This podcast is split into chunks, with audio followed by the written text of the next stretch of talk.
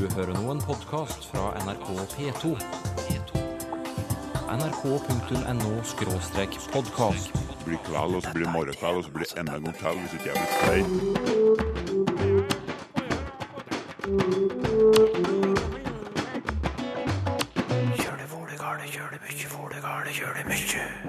Nei er et lite ord, men det kan ha stor kraft. Kongen har ikke kunnet bøye seg for et krav som ville gjøre Norge til et uselvstendig rike. Sørsamisk er et lite språk, men har uventa popularitet. Fordi at jeg har kjent behovet for det noen ganger. At det har vært så greit å kunne det. Og trøndere lager mange artige kombinasjoner av ordet staur. Hånstaur, drekkarstaur, lygarstaur, jabbstaur, mens det alt kan være staura. Og det nyeste på stammen er perkstaur. Altså, det er helt herlig. Vel møtt til dagens utgave av Språkteigen. Et nei har stått sentralt i norske kinosaler denne helga.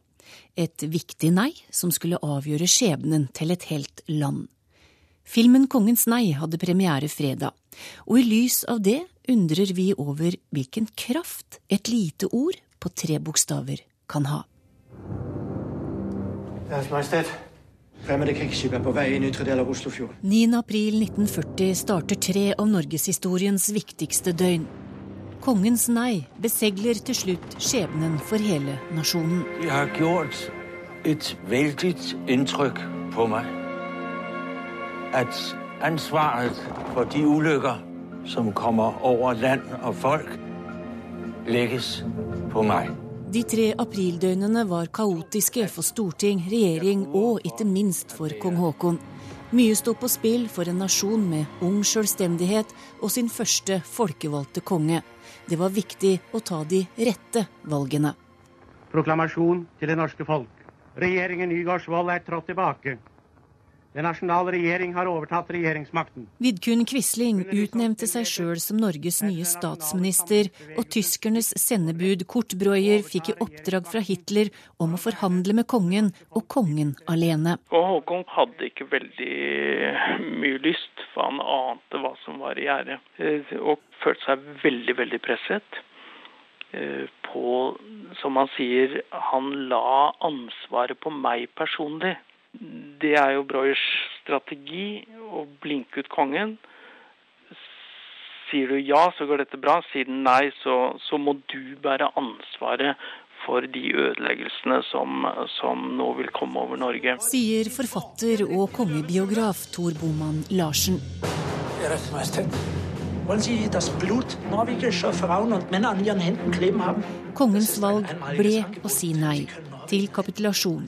Undertegna av regjeringa 10. april og kringkasta av statsminister Nygaardsvold. Kongen har ikke kunnet bøye seg for et krav som ville gjøre Norge til et uselvstendig rike. Allerede dagen etter kom hevnen fra Hitler.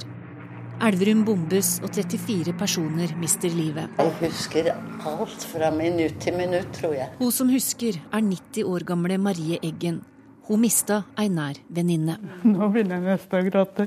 For hun ble altså gravlagt på sin 19-årsbursdag. Og var den første jenta som gikk med i krigen. Og det er et meget tungt ansvar. Så tungt at jeg gruer for å bære det. Arme Håkon. Etter hvert som krigen gikk, så betød han veldig mye. Norge er i krig. Tyskerne har ett mål. Flere måtte velge om de skulle si ja eller nei til det nye regimet. Blant dem familien til 77 år gamle Cato Møystad. Valg som splitta hans familie. Onkel Oliver ble sjef for sikkerhetspolitiet og Hird-sjef. Onkel Didrik ble motstandsmann. Slik var det. Sånn var omstendighetene den gangen. Slik var det at man måtte ta de valgene som man gjorde. Men jeg tror vel at alle forstår at eh, det kostet mer å si et nei enn det å si et ja. Det sa til slutt Cato Møystad. Og Toril Oppsal, går det an å si at det ligger mer kraft i et nei enn i et ja, eller er nei bare et nei? Eh, nei er i mange tilfeller veldig, veldig kraftig. Eh, og det er jo hele denne situasjonen du her har uh, rulla opp et eksempel på. Nei, det er rett og slett et avslag. Og vi kan jo også snakke om at man ikke er villig til å ta et nei for et nei, og det er ganske brutalt. Det er et, et sterkt overtramp å ikke godta dette nei-et. Fordi nei kan, som vi hører, det kan endre historien. Og det kan endre styresett, det kan endre internasjonale relasjoner. Men nei som et substantiv, her et avslag, det er ikke det eneste nei-et vi har. Eh, for vi bruker jo nei veldig, veldig mye i det daglige, og da er det ikke nødvendigvis bare negativt. Vi skal komme til det, Toril, men dette mm -hmm. neiet til kong Haakon, som mm -hmm. inntar alle kinosaler denne helga her, hvilken funksjon har dette bitte lille ordet i filmen og mm historien om disse tre dramatiske døgna i april? Ja, tre aprildøgn der dette neiet eh, representerer både handlingen, dette avslaget, til kongen. Eh, det representerer også konsekvensene av handlingen, som vi hører eh, vitnesbyrd om eh, her. Og det er jo også selve dokumentet, dette nei-et til regjeringa. Ja, og, og her så ivaretar jo dette nei-et det unge, nye styresettet til eh, Norge. Men det kan kanskje òg velte et styresett, som du sier? Eh, ganske nylig så har vi jo sett flere eksempler på eh, folkeavstemninger. Det er jo et nærliggende eksempel der man sier nei, f.eks. til å godta økonomiske sanksjoner, sånn som eh, i Hellas' relasjon til EU. Mange av lytterne nå de tenker nok på EU- og EF-avstemningene som vi har vært med på. Eh, vi har nylig også i vår nære geografiske nærhet sett Skottland sitt nei til å gå ut av Storbritannia. Mens Storbritannia sa nei til å bli i EU. Brexit. Så her ser vi rett og slett mange Altså hvordan kart tegnes på nytt, og hvordan mange nei faktisk får konsekvenser for hvordan vi ser og å forholde oss til verden og historien. Men hvis vi går fra disse store, store hendelsene og historiske hendelsene til det daglige, da. Ja. Hvilken kraft har et nei nå til dags? Eh, et nei kan ha sterk kraft. Eh, du kan bruke det til å irettesette. Eh, her mm. Kommer Margrethe Munthe susende og sier nei, nei, gutt.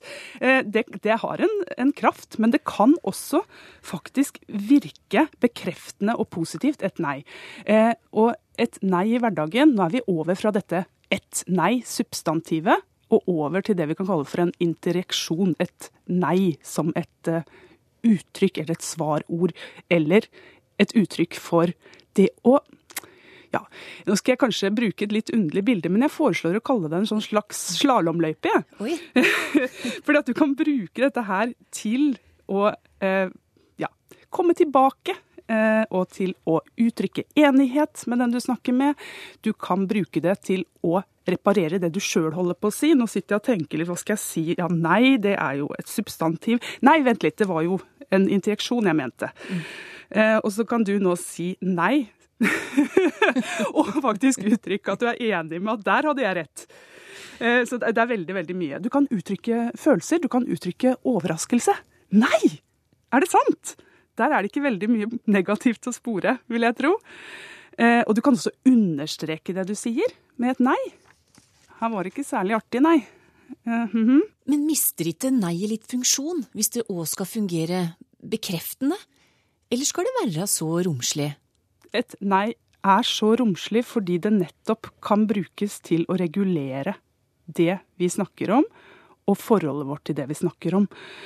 Uh, så her er det jo også sånn at jeg kan få et spørsmål, og så kan jeg svare nei, det er vel slik at og så får jeg styrt mitt svar i en bestemt retning, som mm. ikke nødvendigvis er negativt, men at nei mister sin funksjon. Når du sier det på den måten, så mener du at nei har én funksjon. Mm. Men nei har jo forferdelig mange funksjoner. Mm. Og jeg er redd for at vi ikke har tid til å snakke om alle en gang i dag. Men eh, jeg har inntrykk av fra egen barneoppdragelse at unger fortere lærer å si nei enn mhm. ja.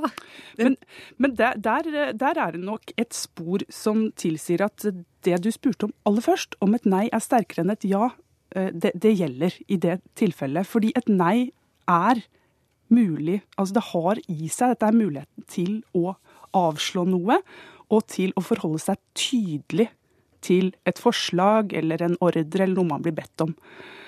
Så, så det får mer en sånn umiddelbar konsekvens. Eh, så det, da er disse ungene veldig, veldig lure hvis de faktisk velger å, velger å gripe fatt i nei. Det sa Toril Oppsal, som er førsteamanuensis ved Institutt for lingvistiske og nordiske studier ved Universitetet i Oslo.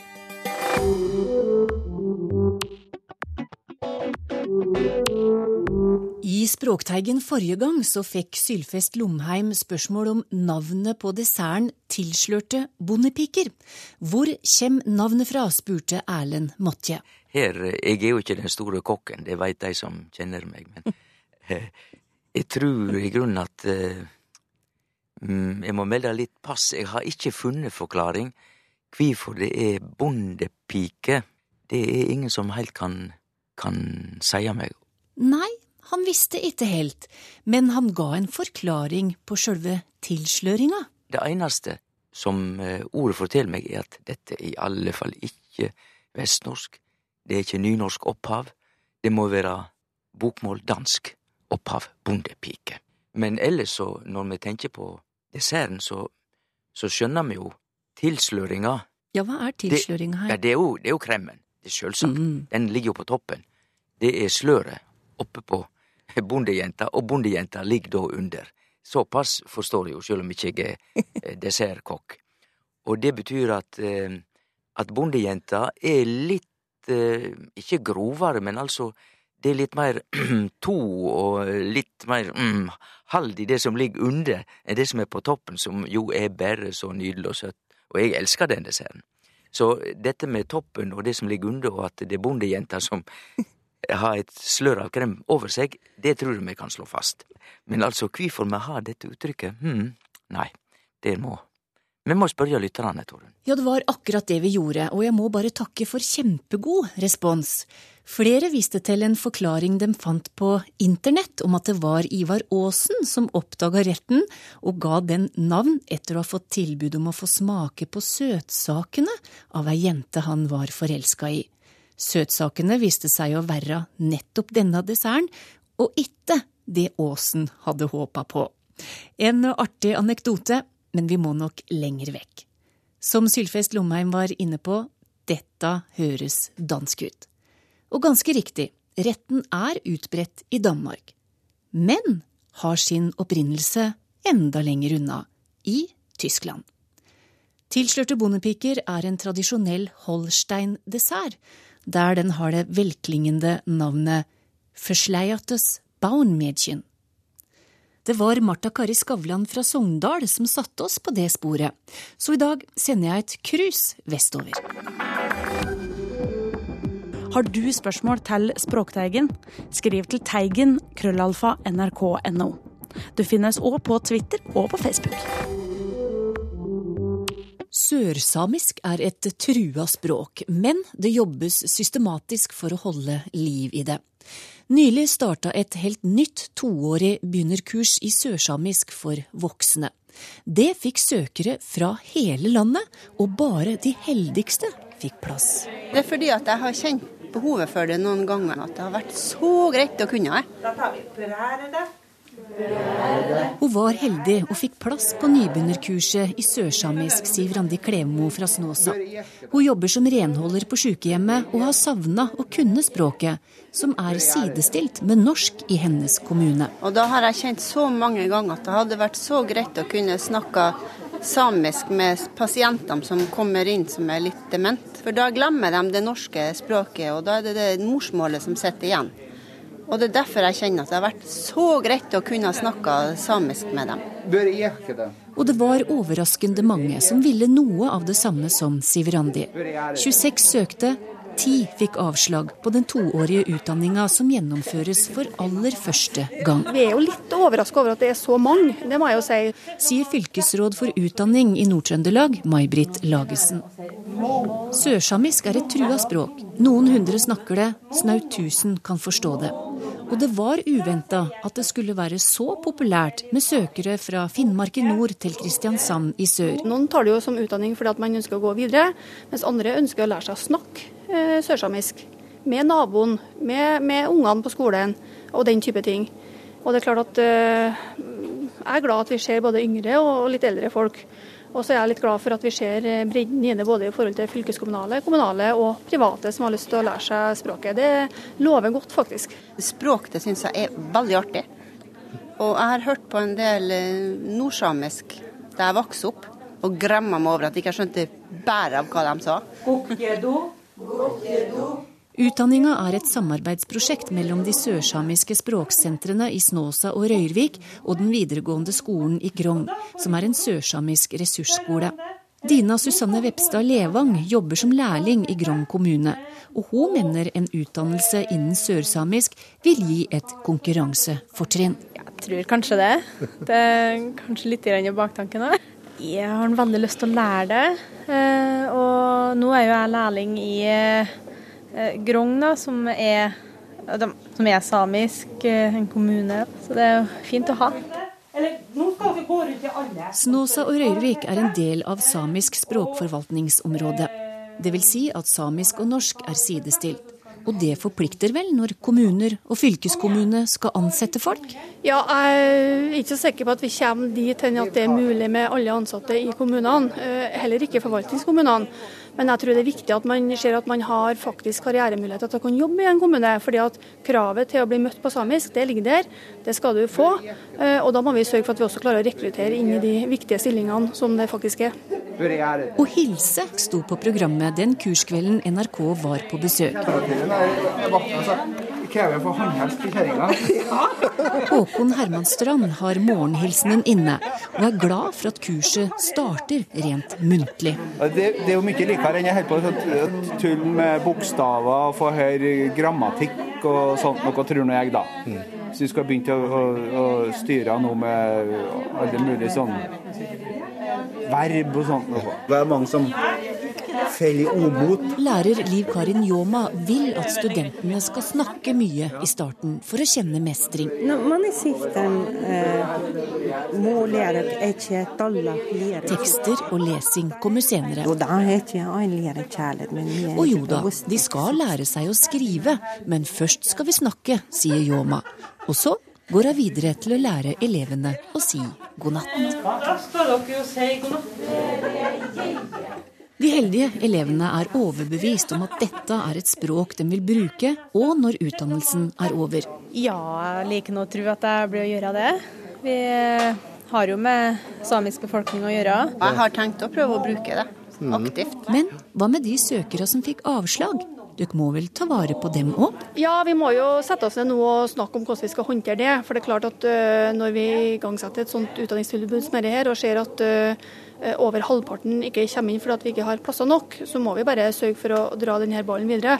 Men det kan være mange måter å gjøre det på, uh, sånn at vi må se litt på det. Og så får vi se hvordan vi hanker inn resten òg. Det sa til slutt fylkesråd for utdanning i Nord-Trøndelag, May-Britt Lagesen. Og det var kollega Kjell Roger Appfjell som hadde besøkt kurset i Grong.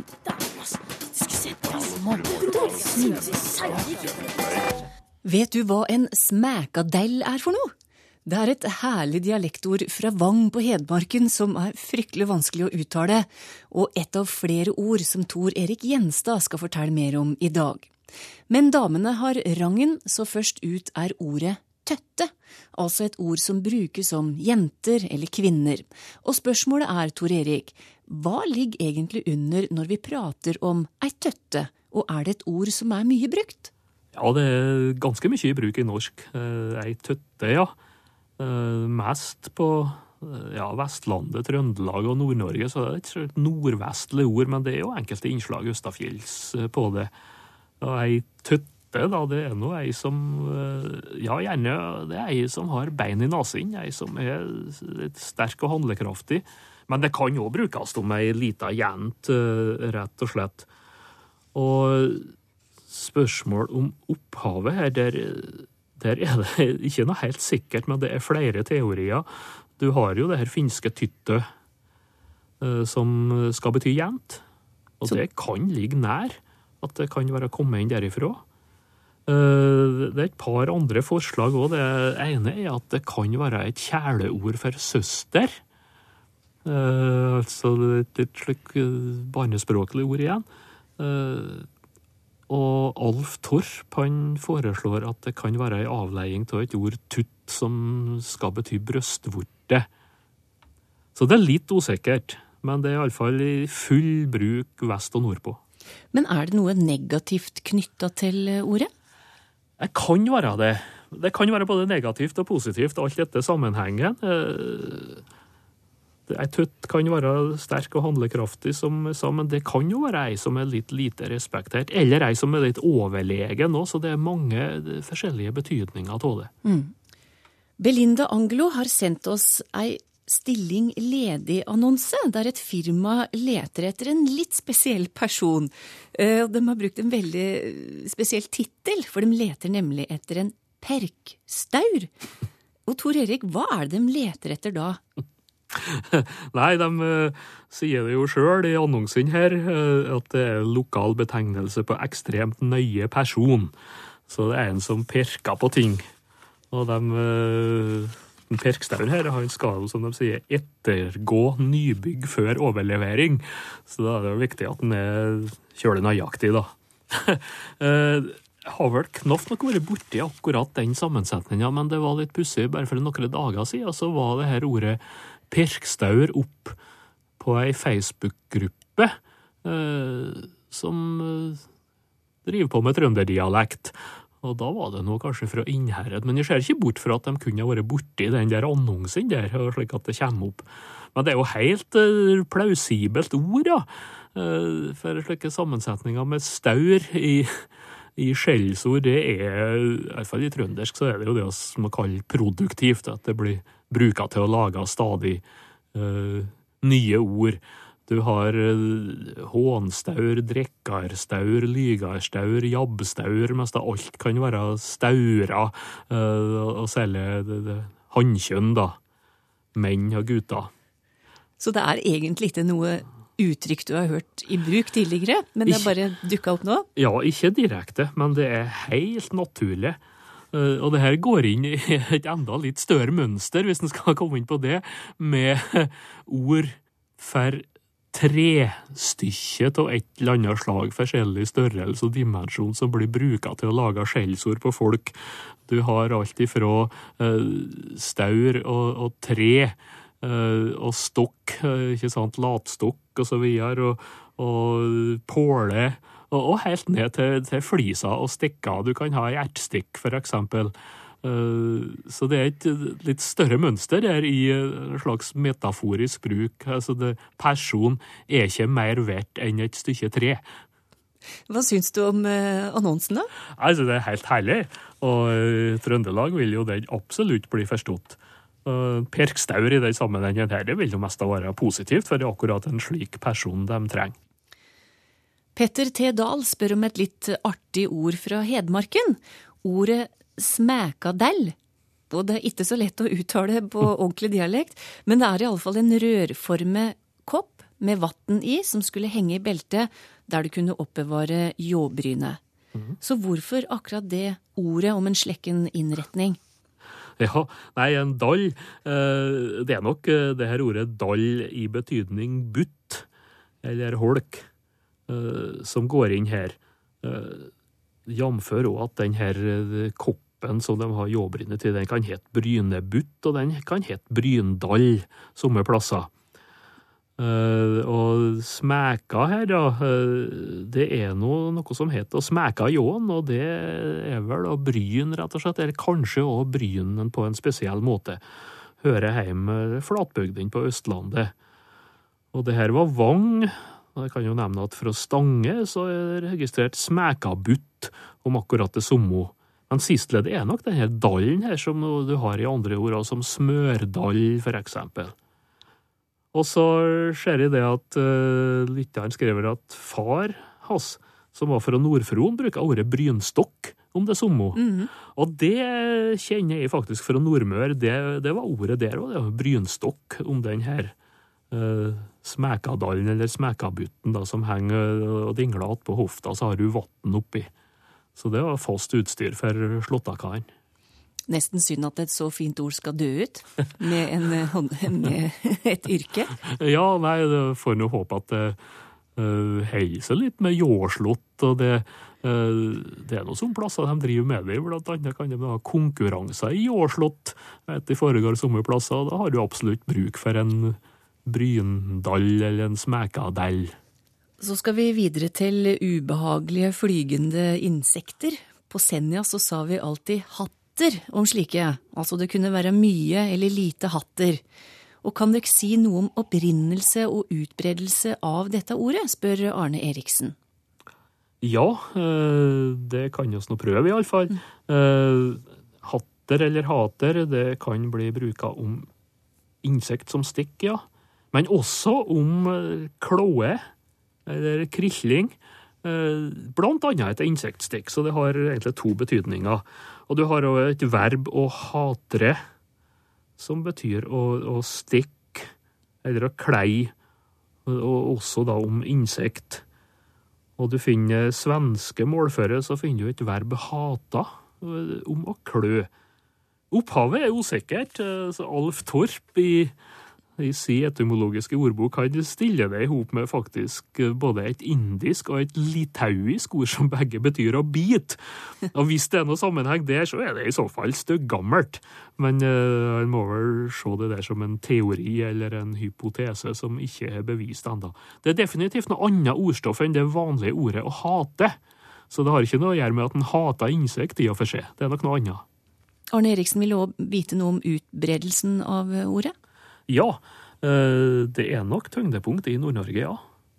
Og så går det inn på eh, trøndersk område. Det finnes både på Innherred og det finnes ute på kysten der. Hvor kommer ordet semmert fra, spør Gro Mesna Andersen. Dialektordet er synonymt med dårlig, kjedelig eller kjipt, og hun brukte det mye da hun vokste opp på Kongsberg. Men altså, hvor kommer det fra? Eh, nei, en regna jo med at det kommer av svensk semre. Velkjent svensk ord, og det betyr jo at det er av dårlig kvalitet. Og utbreiinga her, den er nok da mange plasser på Østlandet. Trøndelag, Nord-Norge og som plasser inn på Nordmør. Og ellers en par-tre spredde belegg på Vestlandet, men uh, hovedtyngda er østlig her, så det er vel egentlig en klar sammenheng med svensk. Og med røtter fra helt innpå svenskegrensa, så kan jeg dra den litt videre og si at det semste nå, det er at Språkteigen er slutt for i dag. Vi høres! nrk.no podkast.